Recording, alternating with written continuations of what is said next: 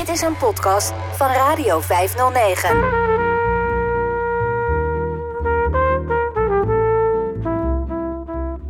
Dit is de podcast De Gijzeling op de Noordzee. Een podcast gemaakt door Rick Bouwman en Elmar Hemler. Samen gingen zij op onderzoek uit naar de avonturen op en rondom Sealand. Met muziek van Koos van der Hout. Dit is aflevering 3, De Gijzeling. Hey wat een bizar verhaal is dit eigenlijk. Hè? Op, uh, op 10 augustus 1978 vindt die staatsgreep plaats op Sealand. Een oud verdedigingsplatform uit de Tweede Wereldoorlog. Achenbach en zijn kornuiten die, die gaan erop. Die gijzelen notabene Michael Bates. Ja, het is te gek voor woorden wat daar gebeurde. Ja, en, en dan wordt die Michael Bates wordt een paar dagen later wordt hij gewoon op een vissersboot gezet. En die sturen ze even naar Nederland toe en dan wordt hij in Scheveningen wordt hij gedropt. Ja, zonder paspoort, zonder geld, helemaal niks. Dat, is, helemaal niks. En dan, kan gewoon niet. Nee, precies. En, en dan weer een paar dagen later uh, komt die nationale atleet van Sealand, uh, onze vriend uh, Raymond de Vries. Die, die komt een paar journalisten tegen en die krijgt ineens het volgende verhaal te horen. Maar paar dagen later, toen kwam er een en toen kwam er weer, kwamen weer een paar journalisten weer op een wedstrijd. En die, zeiden, die vroegen me een commentaar over die staatsgreep. Toen zei ik, joh, je bent een beetje, loopt een beetje achter de feiten aan. Dat is Ietsje te laat. Ja, een paar dagen te laat. Waarop zij zeiden, nee, er is weer een staatsgreep gepleegd. huh? Dus die, die, die, die, die prins Paddy Roy Bate die was in eerste instantie afgezet door de eerste staatsgreep van die Duitsers. Ja, en daarna pakte die... Ja, ze zo hoorden ze te belachelijk voor woorden, maar... En daarna is die, die prins Roy Bates heeft het eiland weer terug heroverd. Ook weer met huurlingen en met, uh, ja, met, ja, ze waren bewapend en ze hebben mensen gevangen genomen. En, daar, en daar kwamen die journalisten mee? Fuck ja, en niet zo'n klein beetje ook. Uh, nadat die twee eerste journalisten, en toen kwam het een beetje naar buiten. Op een gegeven moment was het bij mij thuis een soort perscentrum. Er zaten wel, nou, wel, journalisten van tien verschillende media of zo. Ja, ja, dat is echt... Ja, iedereen lag Het was groot nieuws. Ja, nee, het was zomer. Ja. Het was komkommertijd. Ja. Dus ze vonden het gebruiken. Ja, fantastisch. Alle, alle kleine beetjes. En het was natuurlijk een belachelijk verhaal. Maar uh, nee, daar was heel veel publiciteit over. Dat weet ik nog wel. En dat was de bedoeling, hè? want daarvoor hadden ze maar ingehuurd publiciteit. We hoorden Raymond de Vries ja, die wordt geconfronteerd met het verhaal over die contracoep. Nou, hij is helemaal flabbergasted. Hij wist eigenlijk niet wat er gebeurde. Maar eh, ondertussen komt Roy Bates ook weer eh, op het toneel. Uh, daar weet jij meer van, uh, Rick. Ja, Roy Bates die zat met zijn vrouw samen in uh, Oostenrijk. Daar hadden ze onderhandelingen met, met zaken. Ja, en achteraf bleek eigenlijk dat hij was weggelokt hè, van Sealand. Hij was, hij was inderdaad weggelokt. En dat bleek achteraf inderdaad. En, maar die is teruggegaan naar Engeland en kwam eigenlijk gelijktijdig met zijn zoon Michael Bates, die vanuit Nederland naar Engeland gevlogen was, kwamen ze gelijktijdig aan. En toen lieten ze er volgens mij geen gras over groeien. Nee, toen ze van elkaar het verhaal hoorden, dachten ze van, ja wacht even, dit gaat niet gebeuren. Die Duitsers zitten op ons platform, ja. die gaan we eraf halen of we gaan het plat gooien. Maar er gaat wat gebeuren. En toen? En toen gingen ze flink oefenen even, een paar uurtjes, in de hangar van Paddy Roy Bates. En, uh, want ze moesten met een helikopter moesten ze naar dat platform toe, maar uh, daar konden ze niet landen. Nee, en uh, we hebben een getuigenverslag van Michael Bates die bij die contracoup aanwezig was. Because there were masts on the top, you couldn't land the helicopter. Yeah. Um, we hadn't even considered to wear life jackets. I mean, where does that come from? I mean, these days you put a life jacket on when you just look out the window at the water. Um, we hadn't even considered that idea. Uh, and as we came, I was the first one down, and uh, as I hit the deck, the Germans and the, the, Dutch guys were running out the building below, and uh, I was meant to collapse the mast, pull the base of the mast where it collapsed it, so the helicopter could land. But I could just see these guys running out below me, so I, I just ran forward and jumped off the top of the building and in amongst them. Um, and they were all armed. I was armed. And as I hit the deck, the shotgun went off, and and uh, everybody put their hands up in the air, and that was it. We, uh, the empire had struck back.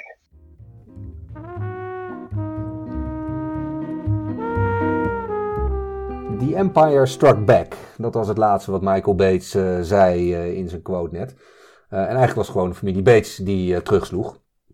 En dat past natuurlijk ook helemaal in het beeld van de familie Bates. Ehm, ja, hoe ging dat verder? Nou, ze wisten wel even drie mensen gevangen te nemen. En die werden op het eiland ook achter slot gezet. Dat waren Evert Bos, de Nederlander die door Hans Lavaux gebracht was.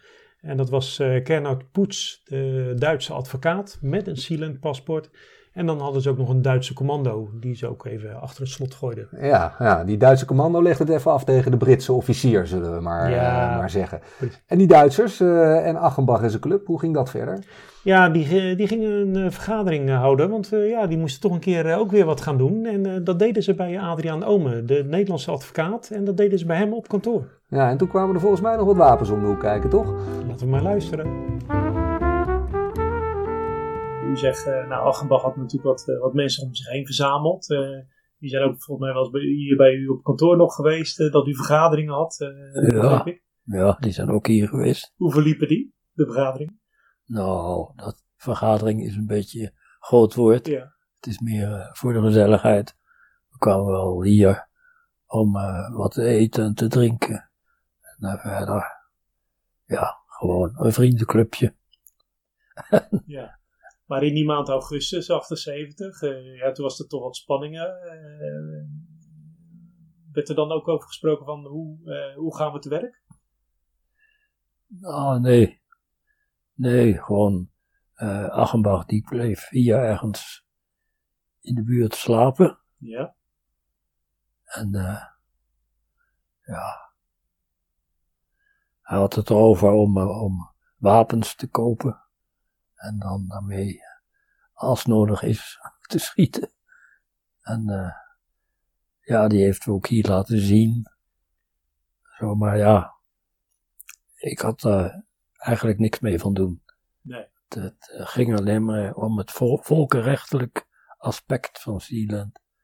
En uh, dat was voor, voor mij uh, genoeg. We hoorden net uh, Adriaan Omen, die uh, vooral volkenrechtelijk geïnteresseerd was in Sealand. Hij is niet helemaal geloofwaardig hè, als je je kantoor beschikbaar stelt. Nee, en uh, zeker niet als je dan ook nog wapens laat, laat zien op zijn kantoor. En hij vertelt over Achenbach die wapens gaat kopen en Achenbach die eventueel daarmee gaat schieten. Dan is er meer aan de hand. Ja, en dan wordt ook Raymond de Vries er weer bij betrokken. Die komt ook weer in het verhaal voor, want die wordt gebeld door de Duitsers.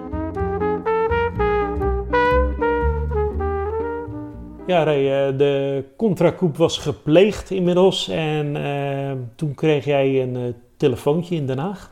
Ik werd gebeld door die Duitsers waar ik contact mee had natuurlijk, want ik had Roy Bates nog nooit ontmoet.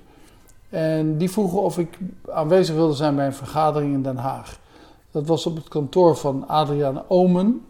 Die was op dat moment secretaris-generaal van de Academie voor Internationaal Recht en gewoon praktiserend advocaat.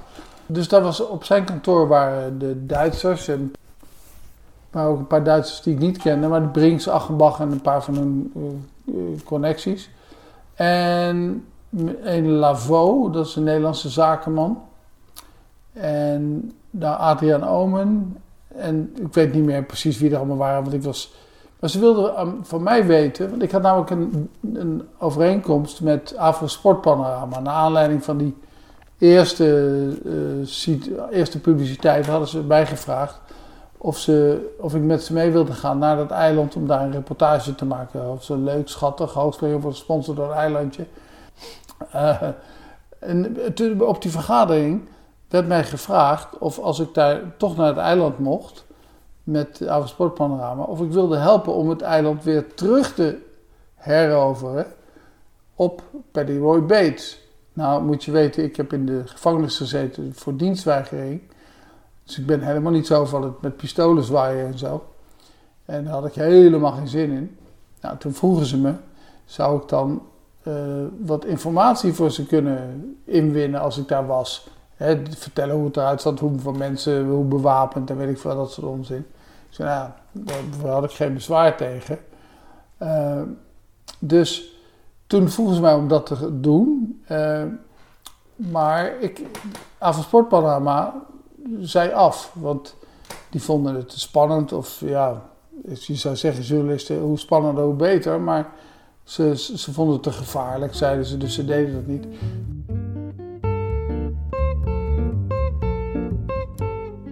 AVRO Sportpanorama gaat dus niet door. Uh, dat was de bedoeling natuurlijk, hè, voor de publiciteit, waar hij nog zo altijd op uit is, uh, Raymond de Vries. Hij gaat na die vergadering naar huis en komt daar bij toeval een zekere Theo Jongendijk tegen. Dat was gewoon toeval. Ik was onderweg naar mijn schoonmoeder, die in een flat woont op de Meele Stokelaan in Den Haag. Ik ga de lift in. Daar staat een jonge man, ongeveer van mijn eigen leeftijd destijds. En hij eh, kijkt een beetje naar boven. Dat doe ik ook, want dat is typisch liftgedrag. Ik zie echter hem aankijkend dat hij een t-shirt aan heeft waarop staat sponsored bij Sealand. Dat verbaast mij, want Sealand zegt mij op zich niks. Nieuw-Zeeland ken ik natuurlijk als land zijnde. Hij kan mijn gedachten eigenlijk een beetje lezen en hij zegt van... Uh, ja, uh, daar hoef je niet verbaasd over te zijn. Sealand, dat is een platform in de monding van de Theems. En uh, de man die daar woont, dat is mijn sponsor. Nou ja, mijn ogen werden natuurlijk nog groter dan dat ze al waren. En hij zegt, nou, uh, ik woon hier en ga maar even kijken met mij in mijn flat. Daar hangt van alles aan de muur. Zo gezegd, zo gedaan. Ik kom in zijn huis, in zijn woonkamer. Daar hing een hele grote poster. En daar stond dus inderdaad een stipje in de monding van de Theems met de aanduiding Sealand. En uh, nou ja, van het een komt het ander. Hij bleek atleet te zijn, talentvol atleet. Ik word gesponsord door uh, Roy Bates. Dat is de man die het platform gekocht heeft, die zich heeft uitgeroepen tot prins of tot koning. En uh, ik ga er binnenkort weer naartoe. Het kost wel wat, wil je mee, maar dan moet je het allemaal zelf financieel ook regelen. Ik zeg nou, toeval wil dat ik verslaggever ben. En dat is natuurlijk een geweldig onderwerp voor het blad waarvoor ik werk. En zo zijn wij uh, op het spoor gekomen voor een reisje naar Sealand.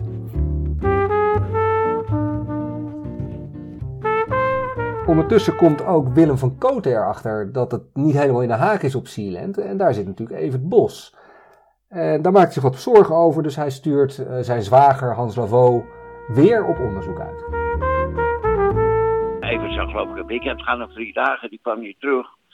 En, en toen uh, hebben we Hansje erop afgestuurd. Om te kijken, om even te halen en te kijken. Er was geen communicatie, hè? dit was allemaal voor de telefoon en voor de mobiele telefoon, 78. Er was niks, er was gewoon geen verbinding. Punt. Hans Lavaux vaart dus uit uh, richting uh, Sealand en uh, op datzelfde moment vliegt Raymond de Vries samen met de journalist en de fotograaf naar Southend in Engeland. En daar ontmoet hij voor het eerst Joan Bates, de vrouw van Roy. En in haar kielzog ook de piloot en een bewaker. En daar vertelt hij het volgende over. Ja, Raymond, uh, jullie kwamen op vliegveld dus uh, uh, Joan tegen met haar bewaker. en, en de piloot, die was daar natuurlijk. En jullie stapten in die helikopter. Maar volgens mij was er ook nog iets met die piloot en die bewaker aan de hand, wat, wat jou opviel. Ja, wat me het meeste opviel, was dat die bewaker gewoon zwaar bewapend was. En dat was op het vliegveld op van een, op Engeland? Een Engels vliegveld, ja. ja. Dus ja, okay. misschien mocht dat, maar ik kon me niet voorstellen dat er gevlogen mocht worden, zwaar bewapend. Maar goed, dat, uh, dat bleek dus wel te zijn. Nou, het bleek niet zo te zijn dat het mocht, maar hij deed het in ieder geval wel. Want hij had iets bij zich? Ja, hij had een geweer en een pistool bij ja, ja. zich. En dat was om uh, Joan Bates te bewaken, de prinses van, uh, van Sealand.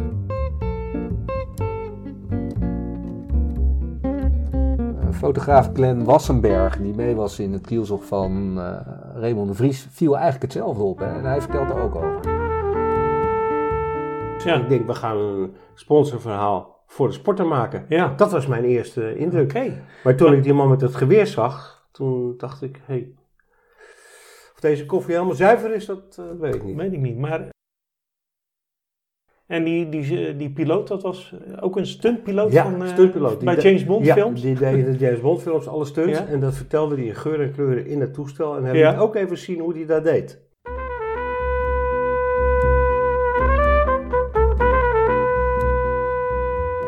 We gingen dus als een, echt als een streep op dat platform af.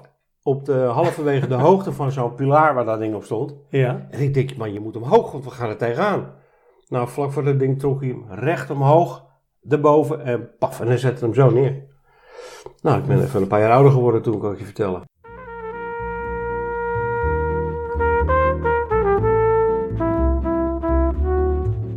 Glenn Wassenberg vertelt hier hoe hij het heeft ervaren om bij Sealand aan te komen. En vervolgens vertelt Raymond nu hoe zijn eerste ervaring op Sealand was.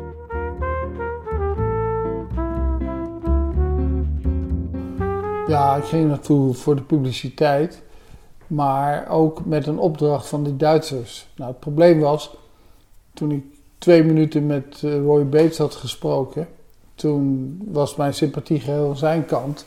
Ja, ik was al anglofiel en hij had een eh, het soort humor waar ik heel erg van hield. Dus voor binnen de kortst mogelijke keer eh, klikte het. En, maar, dus hij, hij vroeg hoe het met die Duitsers was. Nou, ik vertelde me, ja, die zijn natuurlijk bezig om het eiland weer terug te veroveren. Ja, natuurlijk, zei hij. Dat, zo zijn ze wel. Maar ik ben overal op voorbereid, laat ze maar komen. En hij deed, hij deed natuurlijk stoerder dan hij was, maar hij kwam maar met hele stoere teksten.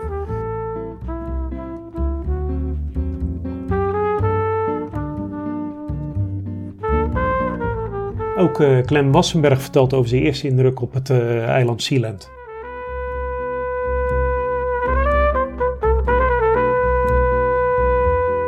Mijn aandacht werd gelijk getrokken door al die molotov cocktails die langs de kant stonden. Toen dacht ik van, wat, wat is dit hier? Ik had geen idee wat het was. Want die stonden daar gewoon? Die stonden gewoon klaar, klaar om gebruikt te worden. Vlammetje erin en gooien. Oké. Nou, ik denk dat er nog geen kwartier, twintig minuten er waren. Hè. Toen eh, riep iemand van, eh, hey, eh, op zijn Engels, hij komt eraan. Oké. Kijk, wie, wie komt waar? En toen zag ik in de verte al een vissersbootje naderen. Wat richting zette naar, dat, naar Sealand. Ja.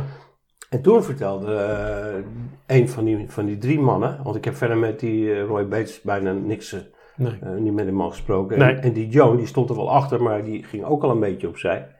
Wat ik, nou oké, ik vond dat vreemd, maar het zal er wel bij gehoord hebben. Maar een van die drie die zei van, ga maar een klein beetje achteruit, want het zou een beetje een probleem kunnen geven. Ik denk, wat, ik had geen idee wat ze gingen doen. En toen vertelde hij, ja, er zit een man aan boord en die gaat zo naar boven komen. Maar daar hebben wij een probleem mee, dus de- die gaat, daar gaan we wel iets mee doen. Oké, nou. En dat gebeurde ook. Die man die stond, eh, een jonge jongen was trouwens nog hoor. Ja? Die stond daar bovenop. Hij komt uit Loosdrecht als ik me niet vergis. Ja, dat, dat moet dan Hans Lavaux geweest Dat is- zijn. ja, Hans Lavaux, dat hoor En- ik later in. En Hans die, eh, die, die is op een gegeven moment natuurlijk, eh, ja, nou ja, jij was maar- erbij. Ja, ja goed. hij kwam boven en er werd gelijk in zijn kladden gepakt. En op een hardhandige wijze. Hij werd opgepakt, geweer werd in zijn rug geprikt en eh, hij werd door de deur naar beneden gebracht. En dat was het laatste wat ik op dat moment van hem zag.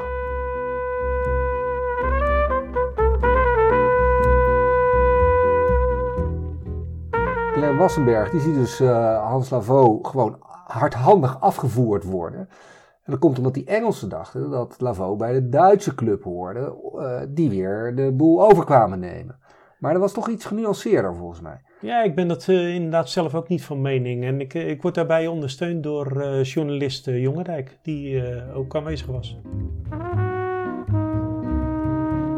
Hans Lavaux was eigenlijk vooruitgeschoven om ook eh, onderhandelingen te plegen over eventueel het plaatsen van een radiostation op dat eh, platform. Dat klopt, want eh, Hans Lavaux eh, kreeg het verzoek van Willem van Koten om eh, met een kotter vanuit Scheveningen naar Sealand toe te gaan. eh, met de bedoeling om daar de zaken eens even te bekijken, eh, het conflict te sussen en om eh, Evert Bos vrij te krijgen. Maar ook Hans Lavaux heeft natuurlijk zelf zijn verhaal van, van deze gebeurtenis. Gezegd, oké, even is daar alleen maar heen gegaan door mijn eh, inbreng. Ik zeg, ik, ga terug, ik ga hem ophalen. En ik zeg, moet je nou zeggen, het is niet zo slecht, want ik ken Michael reeds. Nou, toen kwamen we aan bij het eiland. En volgens mij was het eh, s s'morgens. Ja. De, de, de zon was op. En ik zag Michael bovenop die zwaaide met een aantal andere mensen. Dus ik zwaaide terug. En hij steunde het stoeltje naar beneden. De winch. Ik werd omhoog ge gewinst. En zodra ik boven was, werd ik bij mijn haar getrokken en op de grond gegooid. En ik kreeg een uh, afgezaagd jachtgeweer tegen mijn hoofd. En iemand zei, let's shoot him now. Dus ik, ik was uh, redelijk bang op dat moment. Nou, toen werd ik opgesloten in een van de pilaren. Wat ik wel uh, echt opvallend vind trouwens, uh, zowel Wassenberg als Lavaux omschrijven eigenlijk hoe, hoe Lavaux aankomt op het eiland. Hè? En ze, ze, omschrijven dezelfde gebeurtenis, maar toch op een hele andere manier. Ja, ik, is jou dat ook wel ook opgevallen? Ja, ja en ik, wat, mij, wat mij opviel is dat, dat ik bij de ene het idee had van nou, dat is nou echt een fotograaf. die beschrijft de gebeurtenis. Uh, en de ander is echt het slachtoffer, ja, ja. Die, die vol zit met adrenaline, ja. denk ik dan. Dus ja, die, die beleeft dat op een heel andere manier. Ja, want, want, want uh, Wassenberg omschrijft eigenlijk gewoon vrij plastisch. Hij krijgt de geweren in zijn rug en dat was het laatste wat ik van hem gezien heb. Terwijl Lavaux zegt, het is een jachtgeweer met afgezaagde loop die ik tegen mijn hoofd kreeg. Let's shoot him now. Let's shoot him now, ja. En dat, dat gebeurde allemaal. Ja, ja heel, heel bijzonder en ja. opvallend inderdaad. Maar uh, het was wel dezelfde gebeurtenis. Ja, ja en uh, het is grappig hoe ze dat dan verschillend toch beleven. Uh, ja, ja, maar, ja. Nou was Hans Lavaux, die werd natuurlijk opgesloten. Maar op dat moment zaten er al drie gevangen. En één daarvan is een advocaat, Duitser Poets. Wie er ook gevangen zat was... het was erg grappig. Het was de advocaat die de Duitsers daar naartoe gestuurd hadden om rechtmatig heerser over het eiland te worden. Want hij had een Sealand paspoort. En dus hadden ze hem... En wie was dat? Uh, Poets. Hij heette, ja, ik weet zijn voornaam niet. Ja. Maar hij heette Poets en hij was advocaat. En hij had een Sealand paspoort. Dus hij was... Maar dat was ook de reden dat uh, Bates hem gearresteerd had. Want hij zei, ja, is een onderdaan van mij. En die, uh, die heeft een, een revolutie tegen mij op gang gebracht. Ja, hallo. Een soort van verraad. Uh, een soort van verraad. Want hij, hij zei, ja, ik ben, de, ik ben de koning of de prins hier. Ja. En hij heeft een paspoort van mij. Hij heeft een, koep gepleegd. Ja, hij had ook aangekondigd dat hij voor de krijgsraad zou komen. Daar op het eiland. Die poets die was doodsbang. Dat was, hij, had een, uh, hij had nog steeds dezelfde driedelige pak aan uh, van toen hij daar kwam. Een aantal dagen daarvoor. En, maar die poets die was als de dood. Die was echt heel bang omdat hij onder andere, hij, hij realiseerde zich ook wel, dat was natuurlijk een, was een advocaat, die had natuurlijk, dacht ik ook, ja, wettelijk gezien, ja, op mini-wetjes op zo'n eiland, maar wettelijk gezien had hij gewoon een staatsgreep gepleegd tegen zijn, omdat hij een paspoort had. Dus ik denk, ja, wat de consequenties daarvan zijn. En dat zei uh, Roy Bates ook, dat hij hem dan misschien tot dood zou veroordelen.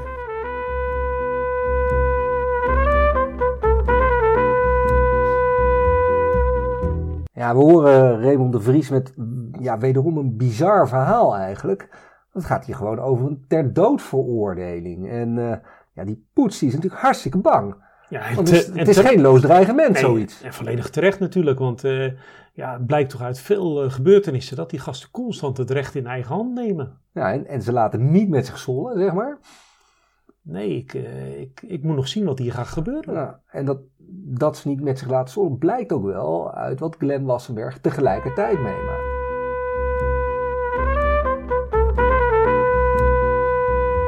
Maar in ieder geval, uh, toen zei een van die mannen van... Uh, jullie willen een, een, mooie reportage maken over ons. En één ding zeg ik erbij. Wij zijn een, een, een, autonoom verhaal hier en we laten niet met ons spotten. Oké, prima. Hij zegt, maar kom maar even mee, want je krijgt je nu de kans om de foto van je leven te maken. Dat zei hij letterlijk tegen hem. Nou, ik met die man mee naar beneden en ik kom verder. Ik kom inderdaad bij zo'n verblijfje, echt letterlijke tralies erin waren. En eh, hij had dat geweer bij zich. Hij zegt, eh, just say the word and I'll shoot him. Hij richtte dat wapen dus op Hans Lavaux, dat mannetje wat net boven was gekomen. Ik zei, Pardon? Ja, ik zeg, eh, nou, Hij, no hij richtte het geweer? Ja. Door de tralies op. En, maar hij had me tevens verteld, ik mocht niet praten met hem. Maar eh, Hans Lavaux die begon wel tegen mij van je moet die bellen, je moet die bellen. En ook zijn moeder zelfs. En hij keek me aan en zegt, no, no way, no talking, no talking. Dan riep hij maar tegen me. Hij zegt, en nu weer, wil je nou de foto van je leven maken? Dan eh, executeer ik hem nu ter plaatse.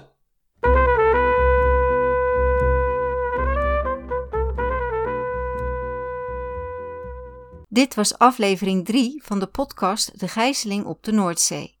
Met plezier geluisterd naar deze aflevering, dan is het fijn als u een positieve beoordeling wil geven. U kunt zich via uw favoriete podcast-app gratis abonneren op deze serie, zodat u automatisch wordt geïnformeerd over het vervolg. In de volgende aflevering van De Gijzeling op de Noordzee Ik weet waar een medicijnkist is. Daar zitten slaaptabletten in. Waarom stoppen die niet in het eten? Want er is ook eh, toen eh, contact geweest eh, tussen Interpol Engeland en Interpol Nederland. Maar er was ook een minister van Justitie. En, eh, zijn naam was eh, Jozef Israël Ben Gal. Althans, dat, zo, met die naam ging hij eh, door het leven op dat moment. Ja. Achteraf bleek dat hij Jozef Paul Krause heette. Ja. En dat hij, dat hij deel uitmaakte van de Bader-Meinhof groep. Ja.